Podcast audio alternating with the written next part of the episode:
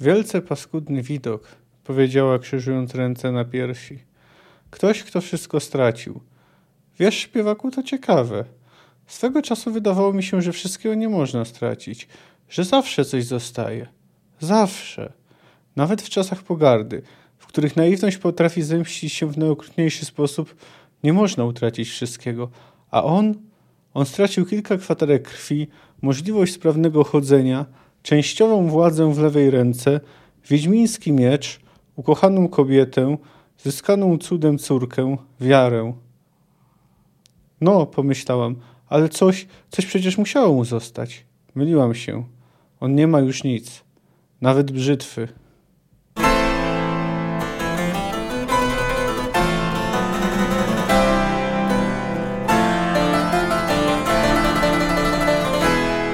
Cześć, jestem Kamil K., a Ty słuchasz mojego podcastu Fantastyka Krok po Kroku. Analizuję w nim rozdział po rozdziale lub opowiadanie po opowiadaniu wybrane książki fantastyczne. Zapraszam.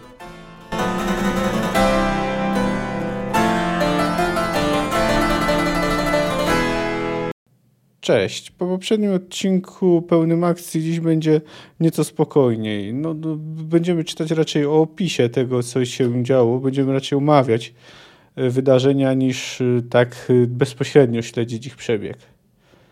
No, poznamy reperkusje tego, co stało się na Tanet, dowiemy się, jak przebiega wojna. No, później dowiemy się też trochę o Geralcie. Tym niemniej odcinek i tak będzie dość długi, bo jednak y, przekazanych zostaje sporo ciekawych informacji. No to tradycyjnie y, zacznę od streszczenia. Y, rozdział zaczyna się od tego, że Jaskier jest eskortowany do Brokilonu przez żołnierzy. Nie do samego Brokilona, raczej do rzecz, rzeczki granicznej, czyli ta rzeka nazywa się Wstążka. Oni jednak chcą go zostawić go szybciej, ponieważ yy, strzały Dryad potrafią sięgać y, z naprawdę daleka. Jaskier zgrywa odważnego i po łyknięciu wódki oferowanej mu przez nich odjeżdża gwizdając, choć tak naprawdę umiera ze strachu. Przejeżdża przez rzeczkę na swoim wołachu, którego ochrzci imieniem Pegas. Cały czas wyobraża sobie wycelowane w niego łuki, ale jednak nikt do niego nie strzela. Gdy w końcu dociera na drugi brzeg, co zajmuje mu sporo czasu, który poświęca głównie na rozmyślanie o swojej prawdopodobnej rychłej śmierci, yy, widzi jeszcze jakiegoś trupa, yy, konia i, i człowieka, czyli no to jest takie jakby powiedzieć ostatnie ostrzeżenie. No ale Jaskier zsiada z konia, bierze do ręki lutnię i zaczyna śpiewać. Driady zbliżyły się do niego niepostrzeżenie, nawet ich nie zauważył i go, i go słuchały. Słuchały tego, jak gra. A dopiero po jakimś czasie poeta słyszy kroki. Należą do Geralta. Jaskier wyjaśnia, gdy zaczynają iść głębiej w las, że dowiedział się, gdzie przebywa Wiedźmin od Tris Merigold. Natomiast o tym, gdzie przebywa Wiedźmin, no to powiedział, musiał powiedzieć królowi Węzlawowi, który uczynił go tam oficjalnie posłem, no i oczywiście przydzielił mu też ochronę. E, no jak pamiętacie, podobną rolę i to dla tego samego króla pełnił Geralt w Mieczu Przeznaczenia. E, gdy tam docierają do jakiegoś miejsca, gdzie się zatrzymują, e, jest zimno i ciemno. Jedna z driad dostarcza im rodzaj zielonego próchna i mchu, które świecą się na zielono.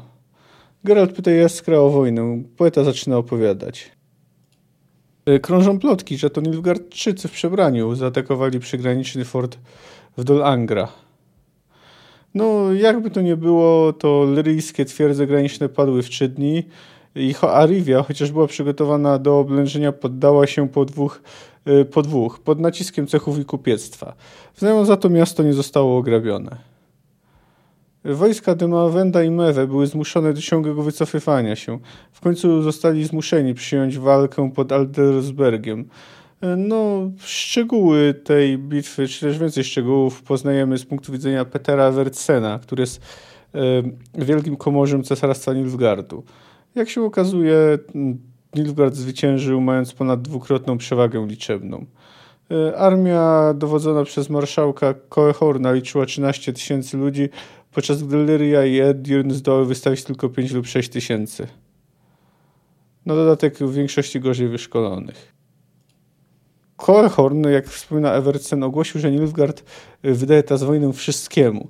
Że wszystko od tej jakby granicy, od pewnej linii, która ją wytacza, czyli to można uznać, że to po właśnie zwycięstwie w tej bitwie ma zostać zniszczone. Ale nim do tego dojdzie, Evertsen wraz z, z, jego podkomendnymi mają wywieźć wszystko, co cenne. Zboża, zwierzęta, y, a także jakieś tam rzeczy używane do przemysłu, na przykład wyposażenie huty. W przypadku Wengerbergu sytuacja ma się inaczej niż w przypadku Rivi. Y, tam cechy i kupiectwo broni, broniły się do końca, no ale po zdobyciu wybito y, obrońców i ludność miasta. No, na wieść o tym yy, ludzie zaczęli uciekać. No a także porozbijane oddziały.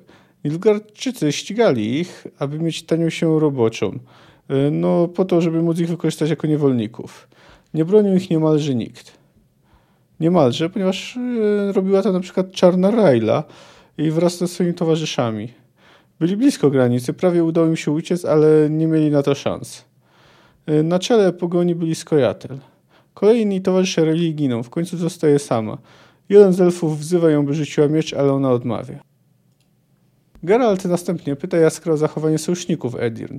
W Redanii panuje chaos. Ofic- rządy sprawy królowa Hedwig, no ale przynajmniej oficjalnie, bo też spore wpływy ma na przykład Dijkstra, który szaleje po całym kraju i poluje na nilfgaardskich szpiegów. Tym razem znów yy, przenosimy się jakby w inne miejsce, na dwór y, w Temerii. Y, król Foltest rozmawia z nilfgaardzkim posłem, a członkowie jego dworu dyskutują. Sytuacja Temerii jest dość skomplikowana, ponieważ król Erwel z Verden y, być może pamiętacie, on zarządzał twierdzami, które pilnowały ujścia Jarugi, zmienił front. przeszedł na stronę Nilfgardu. Jego suwerenem został Y, Emir, no ale on, y, ale Erwel zatrzymał tytuł królewski. Y, król Demawent ponoć uciekł do Redanii, nie wiadomo co się stało z królową Mewe. Foltest przyjmuje ofertę Emyra, która oznacza, że Nilfgaard nie będzie kontynuował działań wojennych, a, a w zamian za to Temeria będzie mogła zachować neutralność. Foltest nie wchodzi z wojskiem do Edirn, ale obsadza graniczną twierdzę Hagę a wojska Nilfgaardu nie atakują Temerczyków. No to by wtedy Wiedźmi, Wiedźmi pyta, co zrobił na to w takim razie Hensel Skedwen. Y, on y, wkroczył do Dolnego Edirn, y, które on Hedwyńczycy określają jako Dolną Marchię, rzekomo przywracając odwieczne ziemię do macierzy. No i znowu margrabia Mansfeld spotkał się na moście z Menno Koehornem, czyli dowodzącym Nilfgaardu i podali sobie ręce. Taki zawarli układ. Geralt jeszcze pytał to, co zrobili czarodzieje. E, żaden nie pozostał przy królu Edirn. E, Foltest wszystkich, którzy mu służyli, wypędził. Filipa pomaga królowej Hedwig w Redanii, towarzyszy jej tam Tris wraz z kilkoma innymi. E, jeszcze kilku jest Kedwyn, a wielu zbiegło do neutralnych Kowiru i Hengfors. Nie wiadomo, co się stało z Wilgeforcem i jego wspólnikami. Oni wszyscy cały czas przebywają w ukryciu. Z wyjątkiem Franceski Findaber, e, która została królową elfów. E, po, po, powstało właśnie państwo elfów w Dol Blatanna, czyli Dolinie Kwiatów. No i właśnie teraz znowu się przenosimy. Tym razem śledzimy rozmowę właśnie Franceski z innym naszym znajomym, czyli Phila Vandrelem. On chce, by rozszerzyli granice, by poszli dalej, ale królowa stwierdza, że to niemożliwe. Zwłaszcza, że wojska Henselta stoją na granicy Dol Blatanna tym, w tej sytuacji Filavandrel proponuje wycofanie z północnych królestw. Nie ma sensu, żeby ginęli. Lepiej niech wrócą i bronią y, królestwa, ale, ale Stokrotka z, z Dolin tego też nie może zrobić. Emir, nie wyraża na to zgody, a Fran na dodatek, co było warunkiem Hazelta i Foltesta, y, Francesca musi oficjalnie potępić wiewiórki. Znów wracamy do poety i Wiedźmina na moment. Geralt pyta się, czy żaden ze stronników Wilgefortza nie poczuł wyrzutów sumienia, y, nie zmienił frontu, nie wrócił do, nie przyszedł, nie pomaga Filipie Eilhart.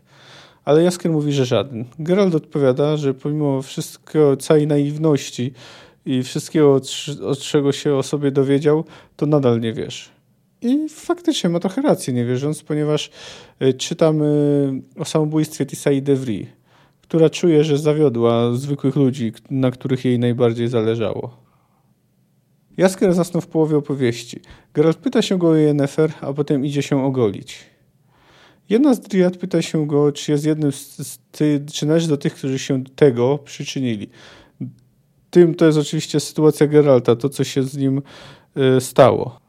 Driada stwierdza, że no, bez sensu się zapyta, bo zapewne tak, bo gdy człowiek ma przyjaciół, tak kończy, to nie muszą być odpowiedzialni za to, co zrobili lub za to, czego nie zrobili. No i w końcu y, Jaskier, protestując przeciwko oskarżeniom, zrywa się z nóg, ale wtedy już siedzi koło niego Geralt i stwierdza, że to nie mogła być żadna z Driad, ponieważ y, y, żadna z tego oddziału nie, nie mówi językiem wspólnym, więc powiecie się to po prostu musiało przyśnić. Docierają do skraju lasu, gdzie wjeżdża właśnie, no, gdzie wjeżdżają właśnie resztki komanda z Kojatel. Geralt idzie tam, żeby porozmawiać z kimś, kto się nazywa Milva Baring. Gdy wraca, prowadzi dwoje, dwa konie. Jeden to koń Jaskra, czyli Pegas, a drugi to Gniada Klacz, e, no, którą przywieźli elfy. Geralt chce się pożegnać z Jaskrem, ale poeta jednak czuje wyrzuty sumienia. Chce pojechać z nim, bo domyśla się po co, y, gdzie Geralt jedzie, że dostał jakieś informacje. Wspominał mu o relacji znajomych z Kowiru. Przyznaje, że nie powiedział mu wszystkiego. Przenosimy się do płacy w Loggrim, letniej rezydencji cesarza Nilfgaardu. Dworzanie plotkują o Ciri, która ponoć poszukała schronienia na dworze cesarza. Emir ma nawet zamiar się z nią ożenić. Potwierdza to, że odprawił swoją dotychczasową faworytę. Niektórzy wyrażają oburzenie, że ma zamiar wyjść za dzikuskę z północy. Gdy Emir wkracza, wszyscy pochylają głowy niezwykle nisko, no i nie podnoszą ich, dopóki on nie da znaku, że można to zrobić. Następnie na salę wkraczają hrabina Stella Congreve i jasnowłosa, blada dziewczyna w błękitnej sukience. Jest niezgrabna, według Steli mało rozgarnięta. Y, dwa razy się potyka. Gdy się zbliżają, bliżej, y, gdy się zbliżają, y, hrabina orientuje się, że coś jest nie tak. Czuje, że polecą głowy. Cesarz zwraca się Ciri per, do rzekomej Ciri per królowo i mówi, że cieszy się, że poszukała u niego ochrony. A potem, zwracając się szczególnie do posłów i Henkfors, i cieszy się, że u niego będzie się cieszyć szacunkiem, a nie będzie tylko z wygnanką. Obiecuje odzyskanie wszystkich należnych jej tytułów, po czym ku zaskoczeniu hrabiny wysyła ją do Darnrowan, gdzie ponoć nigdy nie bywa. Gdy wychodzą, e, Emir przywołuje do siebie seneszala Kaellacha i mówi mu, żeby po audiencji ambasadora Stawili się w bibliotece on, Watier Derridao, wicehrabia Eidon i szef wywiadu wojskowego, e, Stefan Skellen, e, koroner i specjalista od służb i zadań specjalnych i Mac Xartisius. E, I tu właśnie do niego zwraca się cesarz jako do pierwszego. Chce od niego, od astrologa, by pomógł mu odnaleźć Ciri. Dostanie nawet włosy. Mag mówi, że najlepiej byłoby dostać moc czy no ale widząc spojrzenie Emyra oczywiście natychmiast przeprasza. Po jego wyjściu y, cesarz pyta się Watiera, w jaki sposób y, ta dziewczyna, y, którą właśnie widzieli, dotarła do twierdzy Nastrok Verden. Okazuje się, że przeprowadził ją jeden człowiek, jeden półelf. No cóż, no, my możemy się domyślić łatwo, że to ci, co zabili Kordingera i Fena. Emer nakazuje Watierowi ujęcie Ryansa i Kahira i poddanie ich torturom. Potem cesarz sam ich przesłucha. Tutaj no, warto nadmienić, że Kaellach jest ojcem y, Kahira. Wydaje też polecenie y, Skelenowi, y, który także jest zwany Puszczykiem, aby stworzył oddział z ludzi nie lękających się magii i odnalazł kryjówkę Wilgeforca. Wilgeforca ma zabić, natomiast oczywiście podejrzewa, że jest tam z nim Ciri, no to jej oczywiście nie może się nic stać. Seneszal prosi łaskę dla swojego syna. Emir odpowiada jeszcze, że nie wie jeszcze na czym dokładnie polegała wina Kahira, ale nie będzie przepaczenia. Na koniec mówi wszystkim, że mają traktować dziewczynę, y, którą właśnie zobaczyli, jakby naprawdę to była Cyrilla. Widząc zdumione spojrzenie, deklaruje, że rozpoznałby prawdziwą Ciri na końcu świata i w czeluściach piekieł. Cóż, ten rozdział wyjaśnia trochę sytuację, tłumaczy, co stało się podczas wojny, poznajemy dalszy przebieg. No i jest w nim sporo takich dość czytelnych analogii do II wojny światowej. A zacznijmy już od formy tego rozdziału, bo to jest y, y, tak teraźniejszość miesza się w nim z przeszłością, dalszą lub bliższą. No oczywiście zaczyna się od tego, że Jaskier zdobywa się na ryzyko i przyjeżdża do Brykilonu. Y, tam do rozmowy z żołnierzami to może jeszcze na moment wrócę później, ale na razie to chciałbym się skupić na jego rozmowie z Geraltem, ponieważ ona jakby patrzeć tak chronologicznie, z punktu widzenia teraźniejszości, to ona zajmuje właśnie większość tego rozdziału. Chociaż de facto to większość zajmują przyrównajte nawet, trudno to nazwać retrospekcjami, bo to na pewno nie jest dosłowna relacja. Podobny zabieg został zastosowany dwa rozdziały temu, gdy Yennefer, gdy Gerald relacjonował Yennefer przebieg swojej rozmowy z Ilgeforcem, a ile wtedy możemy przyjąć, że opowiadał jej mniej więcej to, o czym czytamy, to to musiało być inaczej, bo zwyczajnie Jaskier nie może wiedzieć, co myślał Peter Evertsen, albo tego, że na dworze w Nilfgaardzie jest y, fałszywa Ciri. No, zabieg ten ma na celu sprawienie, że czytelnik ma więcej inform na dyspozycji więcej informacji niż bohaterowie. Więc no, jeśli będą szli nie tam, gdzie trzeba, no to od razu wzbudza to w nim emocje. No i dynamizuje to nieco ro, ro, rozdział, bo gdybyśmy mieli wszystko śledzić w formach rozmowy, no to trochę mogłoby spaść, mm, mógłby, stałoby się chyba mniej ciekawy. No to teraz przejdźmy do tego przebiegu wojny. Edirn Illyria był nieprzygotowany na błyskawiczny atak Nilfgaardu. No, nawiązania do II wojny światowej pojawiły się już poprzednio. A propos, tu oczywiście chodzi o prowokację gliwicką, no ale tu mamy trochę to samo, bo Nilfgaard, tak jak Niemcy zaatakowały Polskę, atakuje bez wypowiedzenia wojny. E, no i podobnie jest też trochę więcej, bo trosz, można też tak powiedzieć, że trochę podobnie jak polska armia w roku 1939, oddziały Lery i Edirn e, były skoncentrowane przy granicy. No i także błyskawiczne ataki armii Lufgardu przypominają trochę taktykę Blitzkriegu, jaką zastosowali Niemcy, wojny błyskawicznej. Oczywiście, mm, o ile tam przede wszystkim wykorzystywano artylerię, no to tu raczej chodzi o ataki kawaleryjskie, o dalekie rajdy i tak dalej, w których często biorą udział rozdziały Skojatel. No zresztą trochę więcej, tutaj w większych szczegółach mówili o tym królowie podczas y, narady w Krwi Elfów na tym podobieństwa się nie kończą, bo nawet taka kreacja y, takiego państwa marionetkowego, jak można nazwać Królestwo Blatanna, to jest coś, co Niemcy praktykowali niekiedy. No można na przykład wspomnieć y, Słowację. Gdy po zajęciu Czechosłowacji stworzono takie klerofaszystowskie państwo y, słowackie, którym rządził ksiądz y, Józef Tiso. No, ale tu można powiedzieć, tu analogii jest oczywiście jeszcze więcej, jak na przykład przejdźmy do Temerii. E, gdy jest tutaj pewne porównanie do postawy e, e, do postawy Wielkiej Brytanii w kwestii właśnie Czechosłowacji. Zresztą, gdy Foltest podsumowuje sytuację, to mówi swoim dworzanom, że gdy wszystko tam się zorientują, gdy dowiedzą się o co dokładnie chodzi, to powiedzcie, to powiedzą, że przynosi im pokój. Jest to niemal dosłowny cytat y, właśnie z słów z brytyjskiego premiera y, w 1938 roku Neville'a Chamberlaina, który po konferencji monachijskiej y, no właśnie ogłosił, że przynosi pokój. No de facto oznaczało na zgodę na przejęcie przez III Rzeszę kontroli nad Czechosłowacją. No dobrze, ale zatrzymajmy się może jednak na chwilę przy argumentacji Foltesta. No, sytuacja oczywiście jest niełatwa, bo Lyria i poniosły klęskę. Wengerberg jeszcze nie upadł wtedy, gdy Foltest mówił te słowa, ale był bliski upadku. Dodatek hołd Erwyla znacząco utrudnił sytuację. Teraz Nilfgaardczycy zagrażają Bruges, a Temeria nie może na przykład przeprowadzić ataku na y, Cintrę, ponieważ zwyczajnie y, te twierdze pilnują y, pilnują jakby przejścia y, na drugi brzeg Jarugi.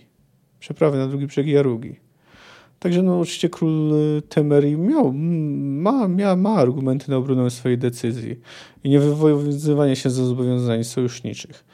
No, ale Chamberlain też miał argumenty na obronę swoich decyzji. Y, wielu zresztą myślało, że naprawdę wtedy w Monachium wywalczył trwały pokój. No to, że błyskawicznie on się rozpadł, to już inna sprawa.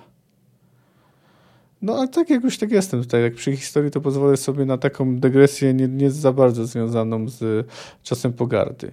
Bo jest jeszcze taka, jest inna sławna wypowiedź Chamberlaina. Też o Czechosłowacji.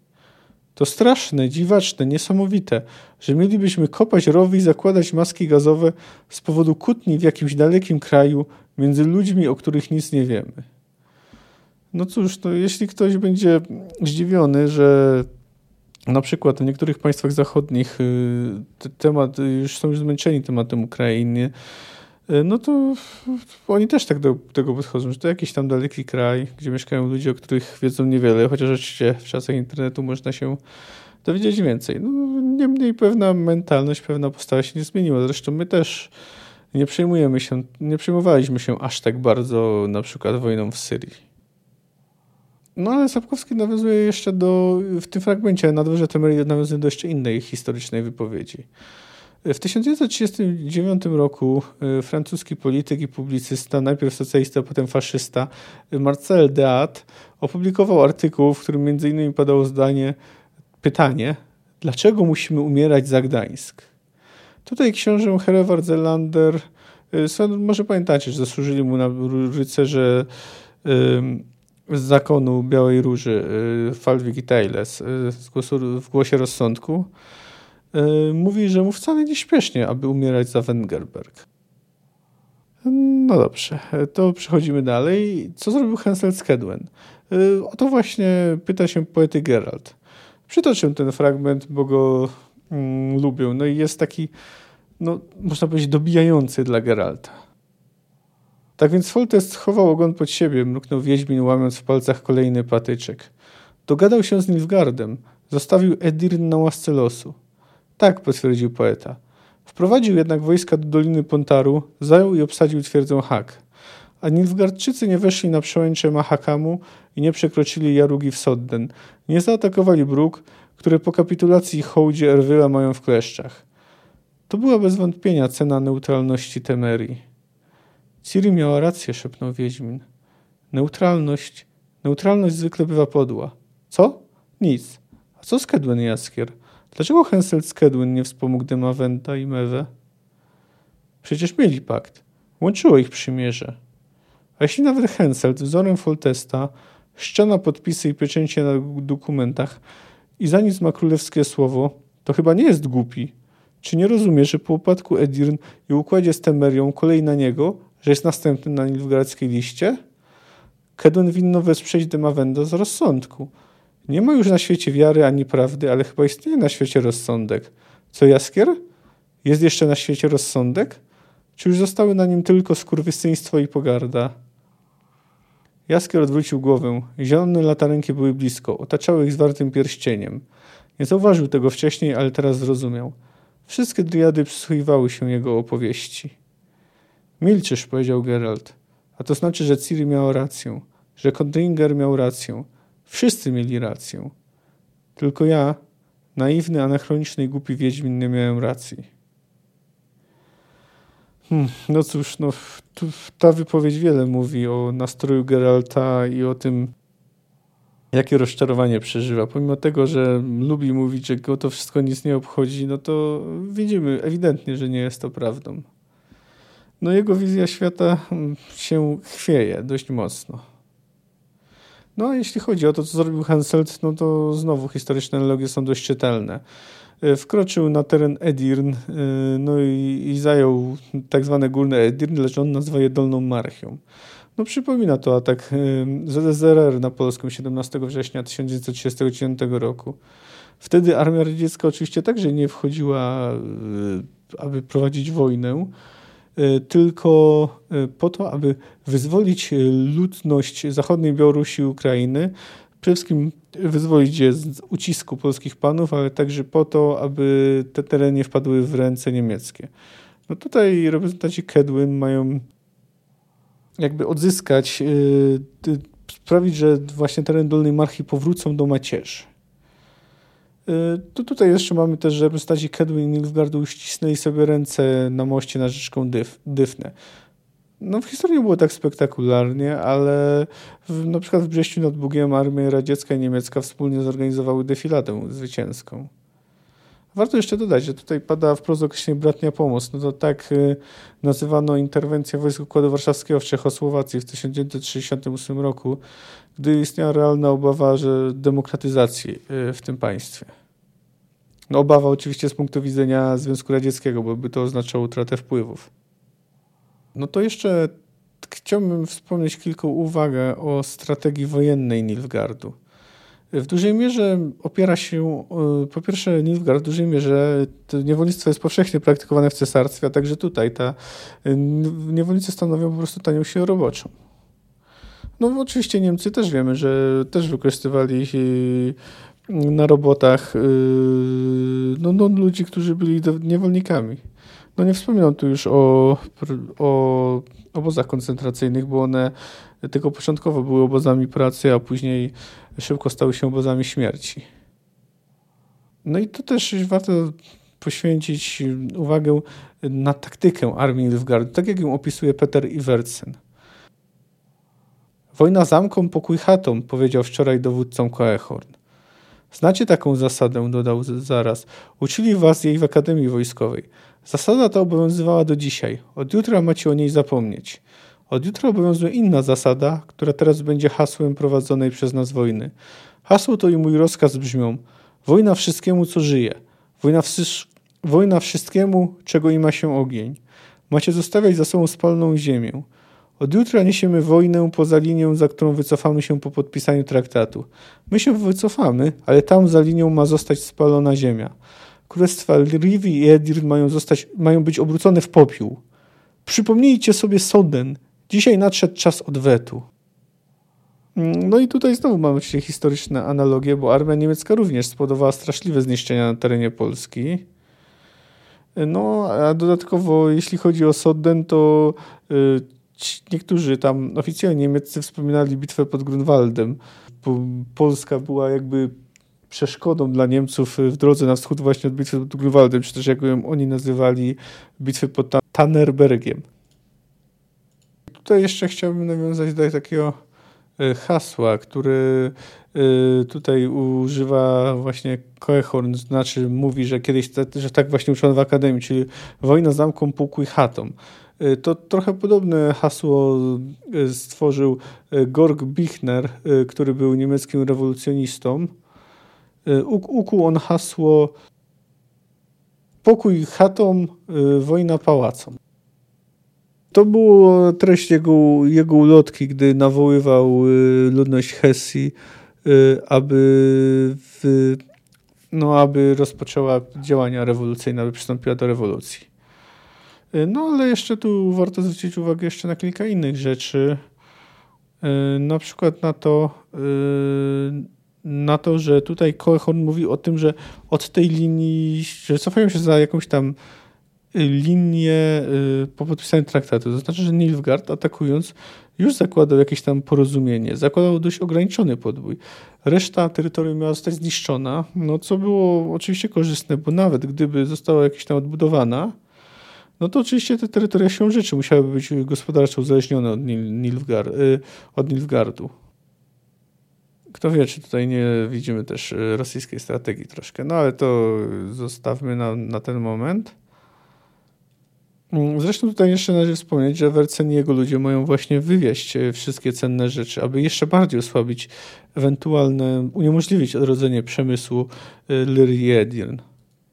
No swoją drogą Niemcy też niekiedy z terenów, które nie do końca uznawali za swoje, no bo część, e, bo to było tak, że część terenów po prostu bez, przyłączyli bezpośrednio do Rzeszy, a część tam stanowił troszeczkę od, osobny organizm. No ale też część próbowali wywozić maszyny i tak dalej w głąb Rzeszy, no ale oczywiście no, nie, wszystkiego nie dali rady. Niemniej zniszczenia, jakie poniósł polski przemysł w wyniku działań przede wszystkim armii niemieckiej były naprawdę olbrzymie. Tak chciałbym jeszcze, zanim przejdę do podsumowania sytuacji politycznej, tak krótkiego, to chciałbym jeszcze słowem wspomnieć o... No, po raz kolejny się trafiła taka gorzka uwaga o kupcach i o ich postępowaniu. No już trochę miałem okazję o tym wspomnieć, bo raz y, powiedziałem o tym, y, że no ja jak to pieniądz działa i że w sumie kupcom, że kupcy że na przykład nie może, że kupcy naciskają często na współpracę z Nilfgaardem, trochę tak jak teraz e, wiele firm mniej lub bardziej skrycie wciąż robi interesy w Rosji. E, natomiast tutaj e, chciałem taki dialog, jeszcze rozm fragment rozmowy Geralta i Jaskra na temat właśnie postawy kupców i ich, można powiedzieć, cynizmu. No to posłuchajcie, bo to dotyczy Rivi. No, oczywiście Geralt, jak się wiemy już, bo o tym wspomniałem, ale no nie pochodzi z Rivi. Rivia była przygotowana do wielomiesięcznego oblężenia, a skapitulowała po dwóch dniach pod naciskiem cechów kupiec i kupiectwa, którym obiecano, że jeśli miasto otworzy bramy i złoży okup, to nie będzie ograbione. Dotrzymano przyrzeczenia? Tak. Ciekawe. Głos Wiedźmina znowu zmienił się nieco. Dotrzymywanie obietnic w dzisiejszych czasach? Nie mówią o tym, że dawniej nawet nie myślano o składaniu takich obietnic, bo nikt ich nie oczekiwał. Rzemieślnicy i kupcy nie otwierali bram twierdz, lecz bronili ich, każdy cech własnej baszty lub machikuły. Pieniądz nie ma ojczyzny, Geralt. Kupcom wszystko jedno, pod czyimi rządami robią pieniądze. A Nilfgaardzkiemu palatynowi wszystko jedno, od kogo będzie ściągał podatki. Martwi kupcy nie robią pieniędzy i nie płacą podatków. No więc jak widzicie, gospodarka. E, no dobrze, a to idźmy, no to właśnie takie skrócone, czyli generalnie sytuacja, nazwijmy ją geopolityczna, yy, przedstawia się tak. Nilfgaard łatwo podbił Edirn Illyrię, yy, król Erwil z Verden zmienił front i przeszedł yy, na, na stronę cesarstwa. Pomimo związków sojuszniczych z tymi królestwami, czyli z Edirn Illyrią, Redania nie jest w stanie ich wspomóc, bo jest w chaosie po śmierci króla Wizimira. Swoją drogą, trochę więcej o śmierci Wizimira dowiemy się później, ale było to bardzo wygodne e, dla Nilfgaard, była ona bardzo wygodna dla Nilfgaard, biorąc pod uwagę, że to on dowodził pod Sodden, co może wskazywać na to, że północ w jego osobie straciła utalentowanego dowódcę. W każdym razie, do, do, część Edirn zajmuje, zajmuje armia Kedwen, a Foltest e, przyjmuje ofertę Emyra, czyli zamiast za neutralność ma Temeria ma nie zostać zaatakowana. No swoją drogą ten pokój nie przetrwa długo, ale to na razie zostawmy. Przy tym obydwaj królowie, tak Hansel jak i Foltest, zgodzili się na uszanowanie y, nowo powstałego królestwa elfów Dolblatanna, ale postawili pewne warunki. Rozmowa z Phila Vandrella z Franceską jest ciekawa. Pokazuje tragedię elfów, które w końcu mają swój własny kawałek ziemi z powrotem, ale wciąż nie mają przyszłości. Y, przytoczę tutaj obszerny cytat z tej rozmowy. Nie, Phila Vandrel, powiedziała wreszcie królowa. Na to jeszcze za wcześnie, o wiele za wcześnie. Nie myślmy o rozszerzaniu naszych granic, bo na razie nie jesteśmy nawet pewni dokładnego ich przebiegu. Henselt z Kedwen ani myśli przestrzegać układu i wycofać się z naddyfne. Szpiedzy donoszą, że wcale nie porzucił myśli o agresji. Może uderzyć na nas lada dzień. A więc nie osiągnęliśmy niczego. Królowa wolno wyciągnęła rękę.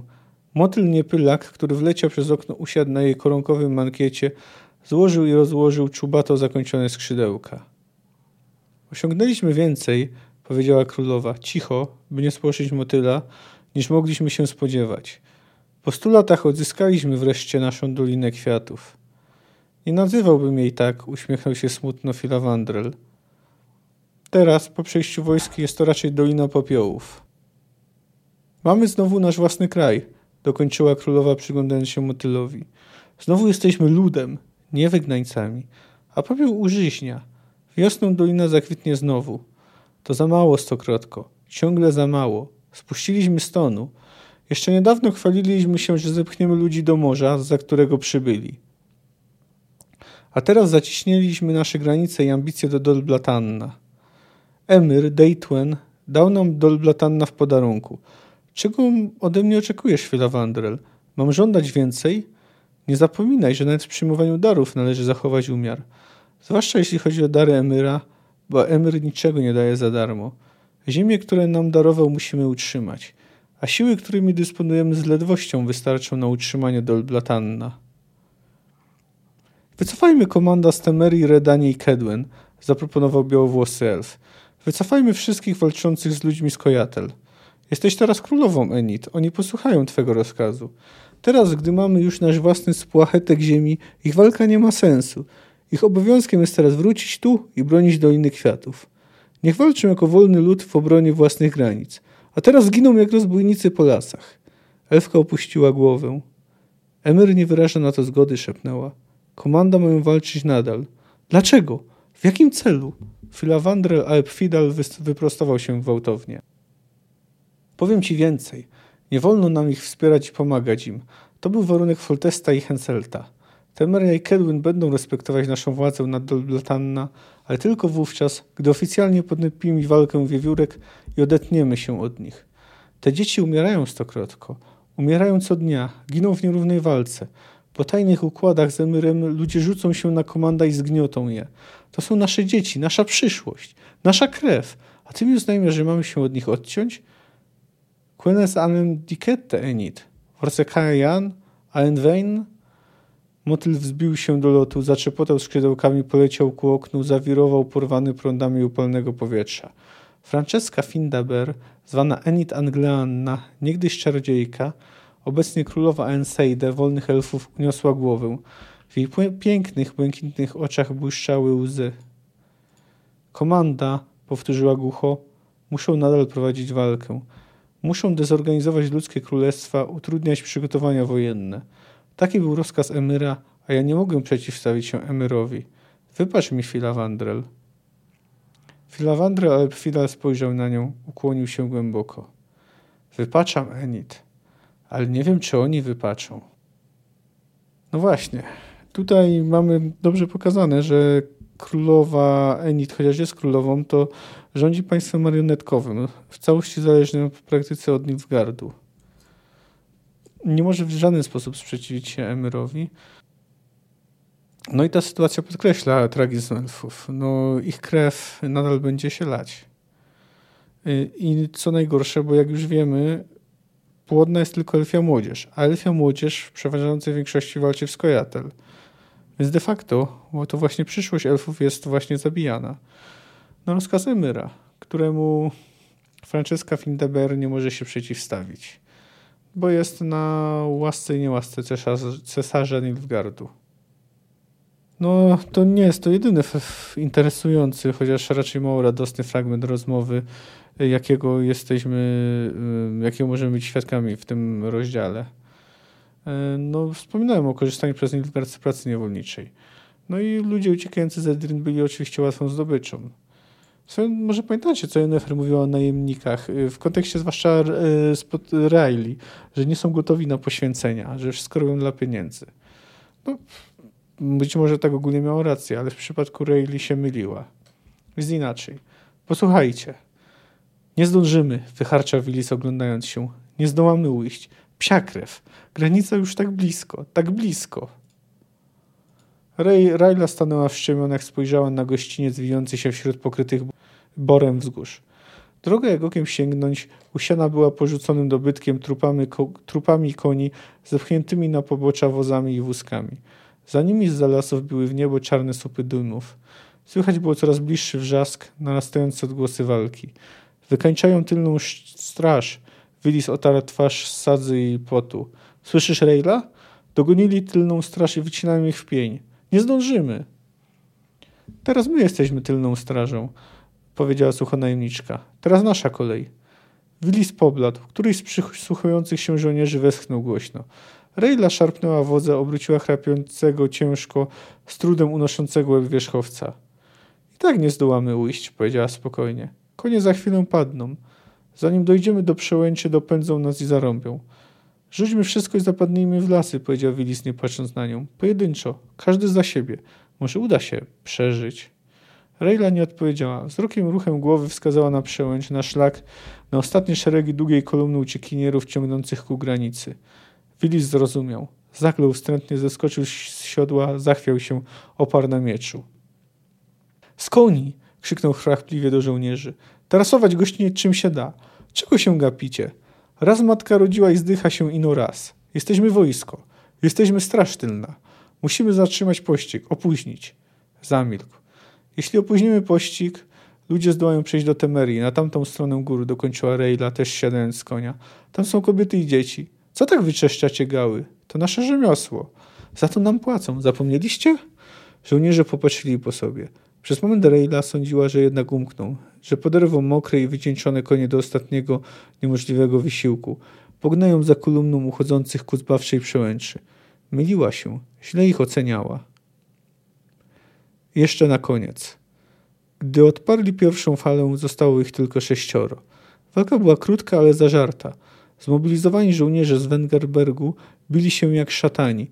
Zaciekłością nie ustępowali najemnikom. Żaden nie chciał wpaść żyły w ręce skojatel.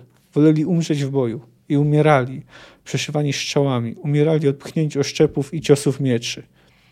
Blaze umarł leżąc zażygany sztyletami przez dwóch elfów, którzy zwalili się na niego, ściągnąwszy z zapory. Żaden z tych elfów nie wstał. Blaze też miał sztylet. Skojatel nie dali im odpocząć. Runęło na nich drugie komando.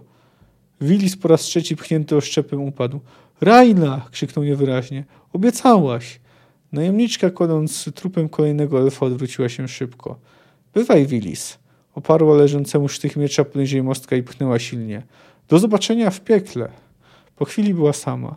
Skojatel otaczali ją ze wszystkich stron.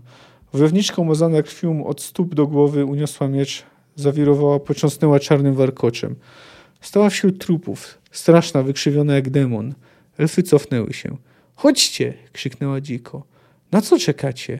Nie weźmiecie mnie żywej. Jestem czarna Rajla.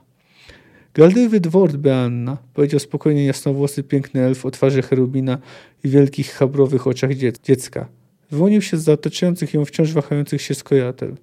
Jego biały jak śnieg koń chrapał, mocno machał głową w dół i w górę, energicznie grzebał kopytem przesiąknięty krwią piasek gościńca. Gladywy wort Beanna, powtórzył jeździec. Rzuć miecz, niewiasto. Najemniczka zaśmiała się makabrycznie, otarła twarz mankietem z rękawicy, rozmazując pot zmieszany z kurzem i krwią. Mój miecz zbyt wiele kosztował, by nim rzucać, elfie, krzyknęła. Żeby go wziąć, będziesz musiał łamać mi palce. Jestem czarna Rajla. No chodźcie. Nie czekała długo. No jak więc widzimy tutaj zarówno najemnicy, jak i żołnierze zmobilizowani, czyli można powiedzieć tak zwanego regularnego wojska, walczyli dzielnie i bronili yy, cywili umykających. Chociaż no, oczywiście byli alternatywy, mogli próbować uciekać. No inna sprawa, że no, Riley zgotowano bardzo zły los. Yy, no ale to już jeszcze też do tego wrócimy. No może jeszcze słówko o Kedłończykach. Zacytuję słowa dziesiętnika Zywika, którego już spotkaliśmy w Krwi gdy kontrolował y, ten tajny transport, którym, podróży, którym głównie podróżowały krasnoludy. Y, generalnie no, oddziały Kedłończyków mają zalecenie dotrzeć nad rzeczką Dyfnę. Z Nilfgaardczykami mają nie walczyć, no ale jak ktoś im się sprzeciwi po drodze w, w, w Górnym Edirn, y, no to jest wrogiem. Ciekawe były instrukcje, czy też ich interpretacja w wykonaniu y, Zwika właśnie. Idziemy w bój, domyślił się jezdny kraska, szybko wpychając koszulę do spodni. Idziemy w bój, panie dziesiętnik? A cóżeś myślał, że na tańce na zarzynek? Przechodzimy rubież. Jutro o świtaniu rusza cała bura chorągiew. Setnik nie rzekł, w jakim szyku lepszycie nasza dziesiątka przodem pójdzie jako zwykle.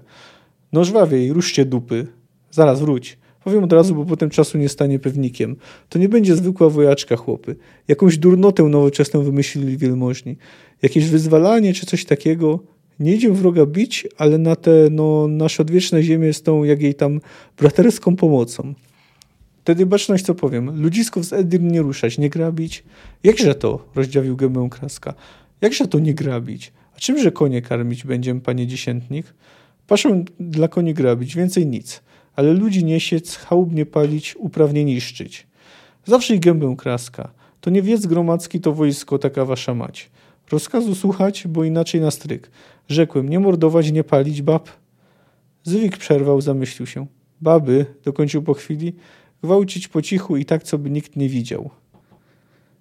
No cóż, no pomijam już te ostatnie słowa, bo one wiele mówią o podejściu do wojny, które swoją drogą wcale się nie zestarzało. Wystarczy posłuchać niektórych zdań, niektórych przynajmniej Rosjan na temat e, gwałtów na Ukrainkach. Faktycznie, wymyślili wielmożni jakąś durnotę nowoczesną. W sumie wojna hybrydowa nasza tutaj to też taka nowoczesna durnota. Trudno nie wspomnieć też o Tisa i De Vries. E, no, przytoczę najpierw słowa Geralta e, z rozmowy z Jaskrem. Ani jeden czarodziej nie przemyślał sprawy ponownie. Nawet wtedy, gdy Nilfgaard mordował i palił Wedirn, żaden z nich nie porzucił Wilgefortza, nie przyłączył się do Filipy? Żaden. Geralt milczał długo. Nie wierzę, powiedział wreszcie bardzo cicho. Nie wierzę, by żaden nie odszedł od Wilgefortza, gdy prawdziwe przyczyny i skutki jego zdrady wyszły na jaw. Jestem, jak już powszechnie wiadomo, naiwnym, bezrozumnym i anachronicznym Wiedźminem, ale nadal nie wierzę, by w żadnym czarodzieju nie obudziło się sumienie. No i Geralt oczywiście miał rację. No, oczywiście Tisaya Devry nie była ściśle stronniczką Wilgefortza, to znaczy przynajmniej nie była, nie była właśnie, nie wiedziała o jego spisku wcześniej, no ale pomogła mu zrealizować jego plan mimowolnie. I no, chociaż pod koniec y, rozdziału nadal była przekonana, że postępuje w miarę słusznie, że y, wyspą wciąż y, rządzi kapituła i że odpowiedzialnością czarodziejów jest zakończyć tą bezsensowną wojnę, no to tutaj już jest najwyraźniej inaczej. Ewidentnie uświadomiła sobie, do czego doprowadziła swoimi ruchami, że zamiast ograniczyć cierpienie, to je zwiększyła, a że bractwo magów praktycznie się no, rozpadło się de facto. Myślała, że chroni jedność czarodziejów, gdy tymczasem pomogła ją zupełnie zniszczyć. A ponieważ nie była już w stanie zapobiec tej wojnie, temu co się dzieje, odebrała sobie życie. Dowiadujemy się, że miała na imię Skowronek, chociaż nikt nie znał tego imienia, dawno go nie używała. No to teraz jeszcze króciutki cytat, który wyjaśnia jej motywację, bo jej głównym zmartwieniem był właśnie los zwykłych ludzi. Starała się kierować ich losem i chronić ich na tyle, na ile mogła. Lichtarze pod zwierciadłem stały nierówno. Służąca musiała poruszyć i poprzesuwać je podczas sprzątania. Służąca, zwykła kobieta. Zwykły człowiek o oczach pełnych strachu przed tym, co nadchodziło. Zwykły człowiek zagubiony w czasach pogardy. Zwykły człowiek szukający nadziei i pewności jutra u niej, u czarodziejki. Zwykły człowiek, którego zaufanie zawiodła. No tu dość jasno mamy przedstawiony, przedstawiony powód, dla którego zdecydowała się popełnić samobójstwo po prostu nie mogła żyć z, my z myślą, że zwiększyła ilość cierpienia na świecie i to dość znacząco, że e, los zwykłych ludzi stanie się znacznie gorszy.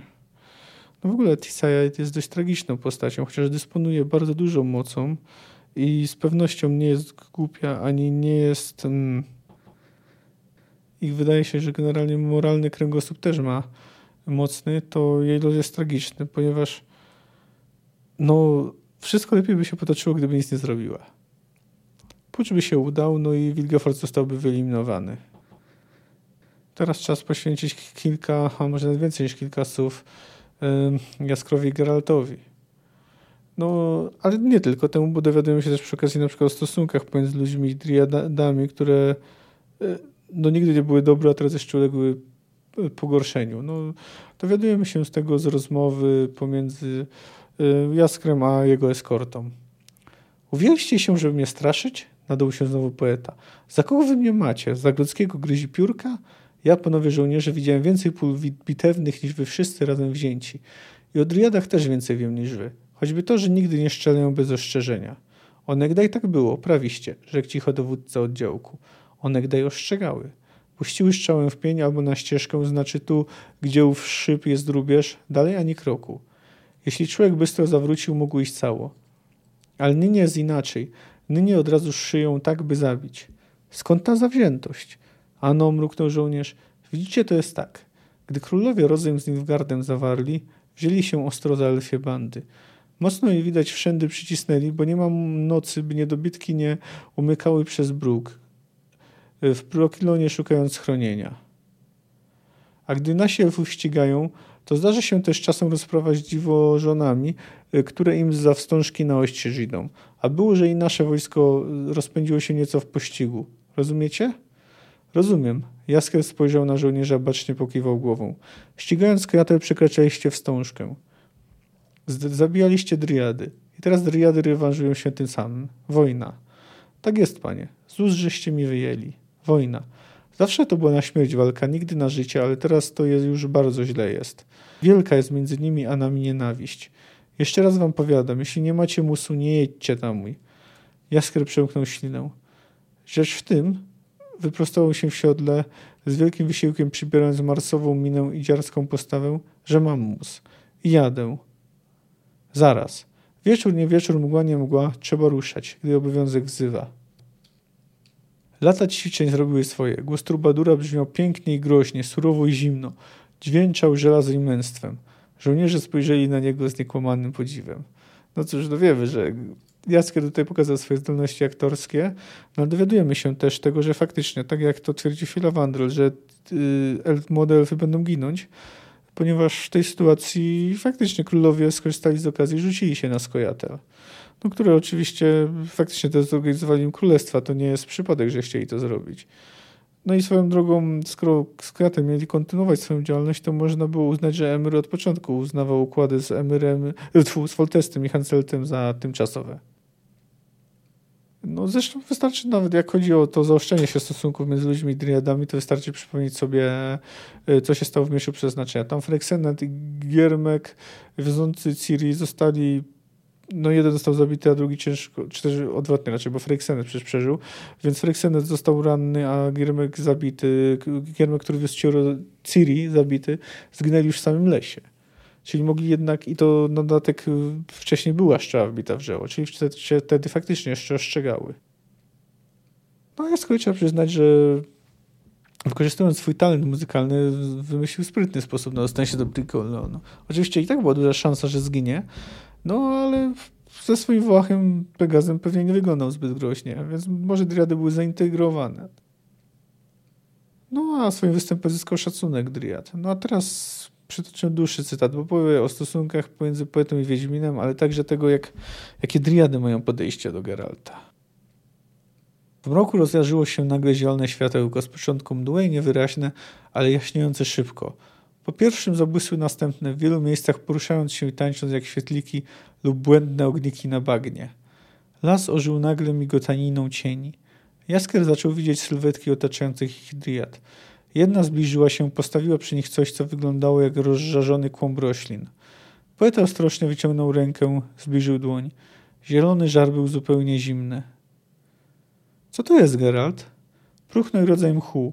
To rośnie tylko tutaj, w Brokilonie. I tylko one wiedzą, jak to wszystko razem spleść by świeciło. Dziękuję ci, Fauwe. Triada nie odpowiedziała, ale i nie odeszła. Przygucnęła obok. Jej czoło, czoło przepasywał wianek, długie włosy spadały na ramiona. W świetle włosy wyglądały na zielone, a może i naprawdę takie były. Jaskier wiedział, że włosy Dryad miewały najdziwaczniejsze barwy. O, no tu mamy taką, na moment przerwałem, na moment taką ciekawostkę, że mm, różny był kolor włosów Dryad. Natomiast nic nie ma o tym, że ich y, skóra była zielona. Włosy natomiast mogły być. Taet, powiedziała melodyjnie, unosząc na trubadurę oczy błyszczące w drobnej twarzy, przeciętej skośnie dwoma równoległymi ciemnymi pasami maskującego malunko. Ese wort sabene etariel. Szalne ewean wort?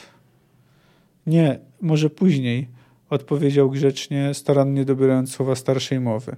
Driada wyschnęła, pochyliła się delikatnie, pochyliła się, delikatnie pogładziła gryf leżący obok lutni, wstała sprężyście.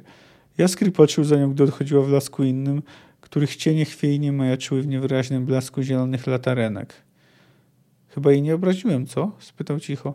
One mówią własnym dialektem. Nie znam grzecznościowych form. Sprawdź, czy masz nóż w brzuchu. W głosie Wiedźmina nie było ani drwiny, ani humoru. Driady reagują na obrazem wbiciem noża w brzuch. Nie bój się, Jaskier. Zdaje się, że są skłonne wypłacić ci znacznie więcej niż językowe potknięcia. Koncert, który dałeś pod lasem najwyraźniej przypadł im do gustu. Teraz jesteś Art Teet, wielki Bart. Czekają na dalszy ciąg kwiatu Etariel. Znasz dalszy ciąg? Bo to przecież nie twoja ballada. Przykład jest mój. Wzbogaciłem też nieco elfią muzykę. Nie zauważyłeś? Nie. Tak jak przypuszczałem. Na szczęście driady lepiej znają się na sztuce. Gdzieś czytałem, że są niezwykle muzykalne. Dlatego ułożyłem mój sprytny plan, za który nawiasem mówiąc jeszcze mnie nie pochwaliłeś. Pochwalam powiedział Wiedźmin po chwili milczenia. To było rzeczywiście sprytne. A szczęście też ci dopisało, jak zwykle. Ich łuki biją celnie na 200 kroków. Zwykle nie czekają do chwili, gdy ktoś, przy, przy, gdy ktoś przyjedzie na ich brzeg rzeki i zacznie śpiewać. Są bardzo wrażliwe na nieprzyjemne zapachy.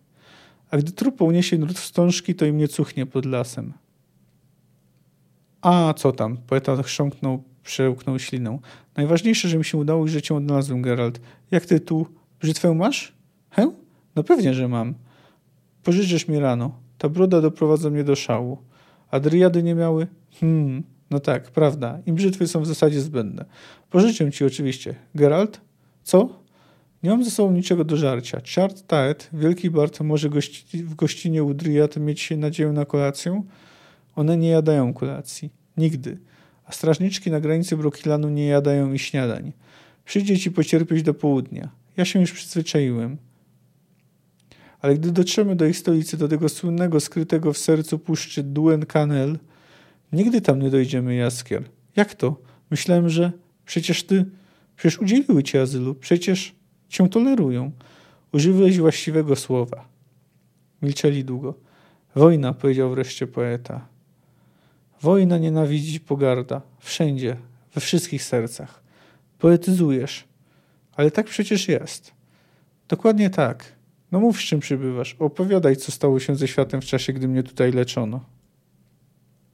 No wiemy, że Gerald już był raz w Duen Canel, no ale w trochę innych okolicznościach. Zresztą i wtedy y, zawiązywano mu opaskę na oczy, żeby nie miał pojęcia, jak tam dostać. No wtedy przybył do Eni razem z Syrii. No to była bardzo specyficzna sytuacja. No nie przejdę do, już do samego końca y, rozdziału.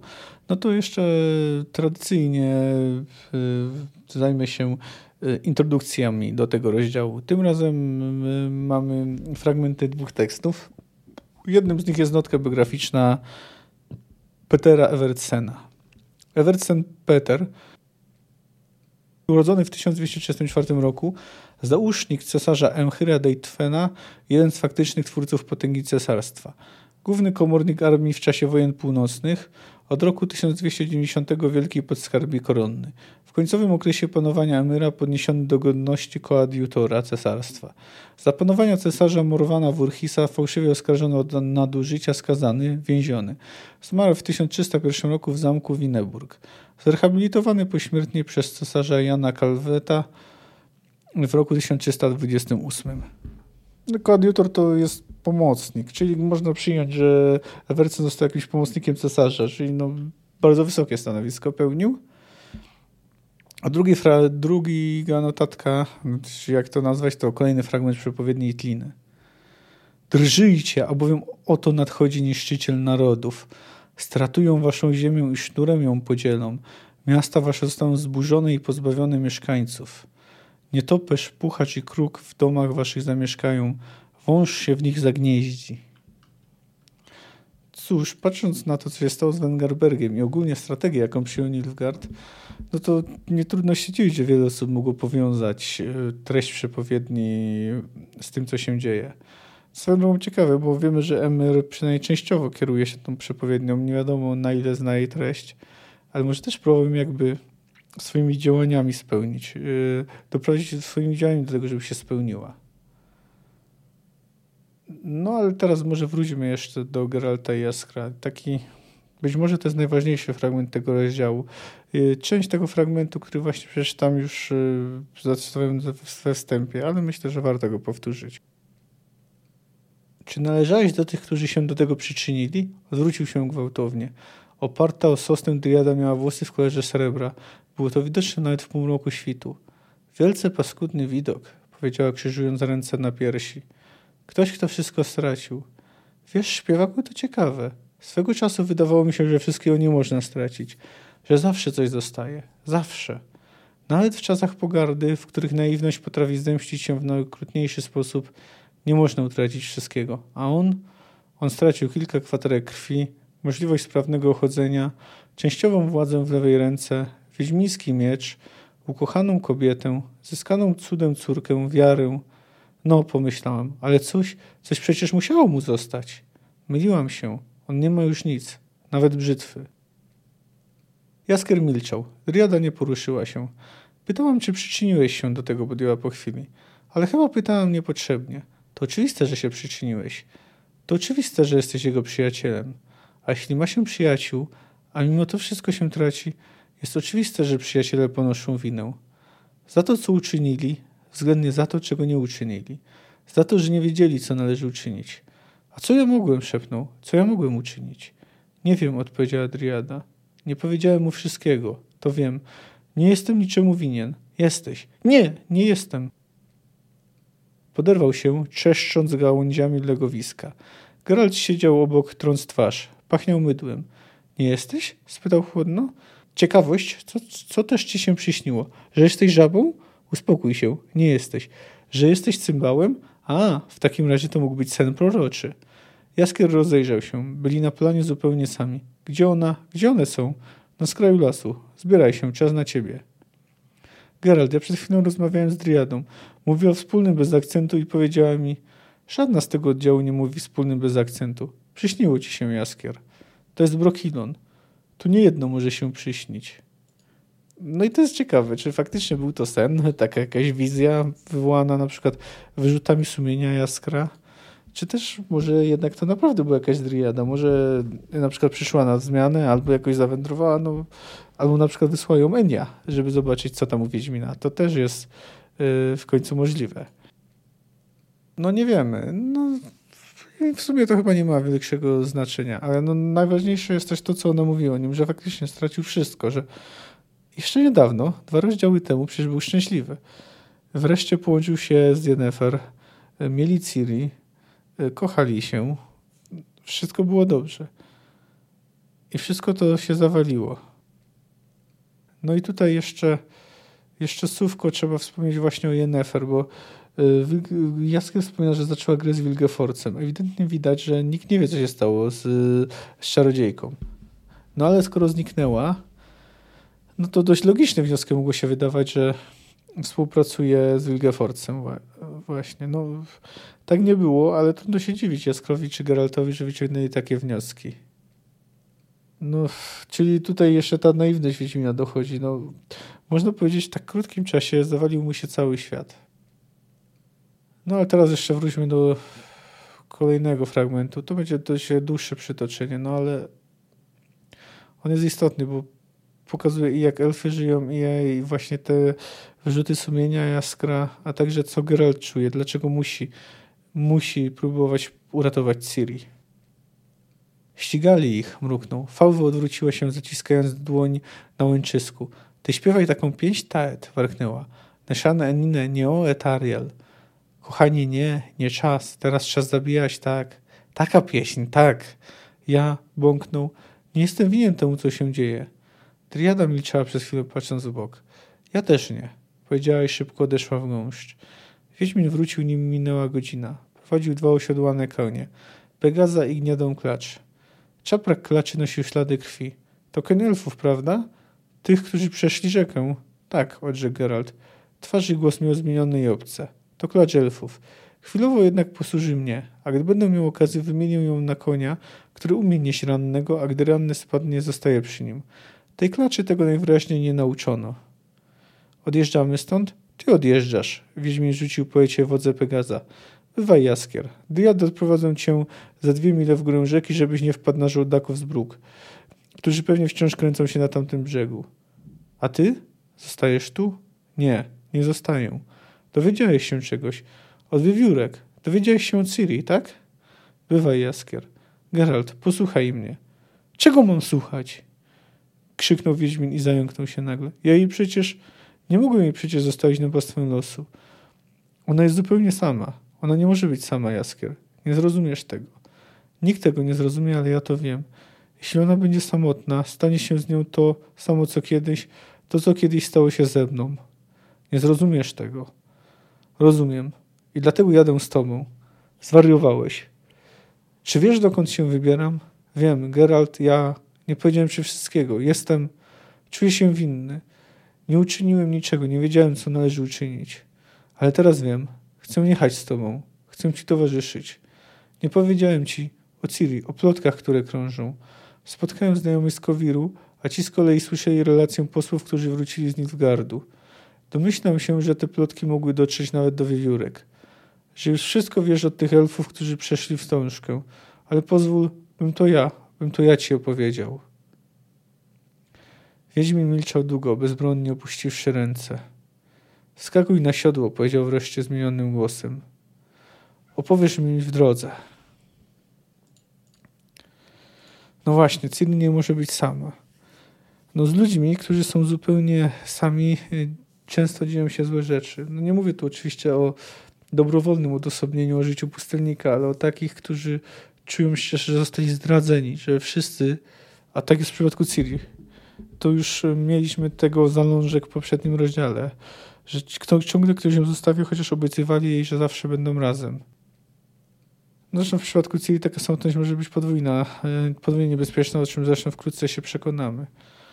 No, a biorąc pod uwagę jej dalsze losy, to Wiedźmin zdecydowanie miał rację. Naprawdę nie powinna być sama.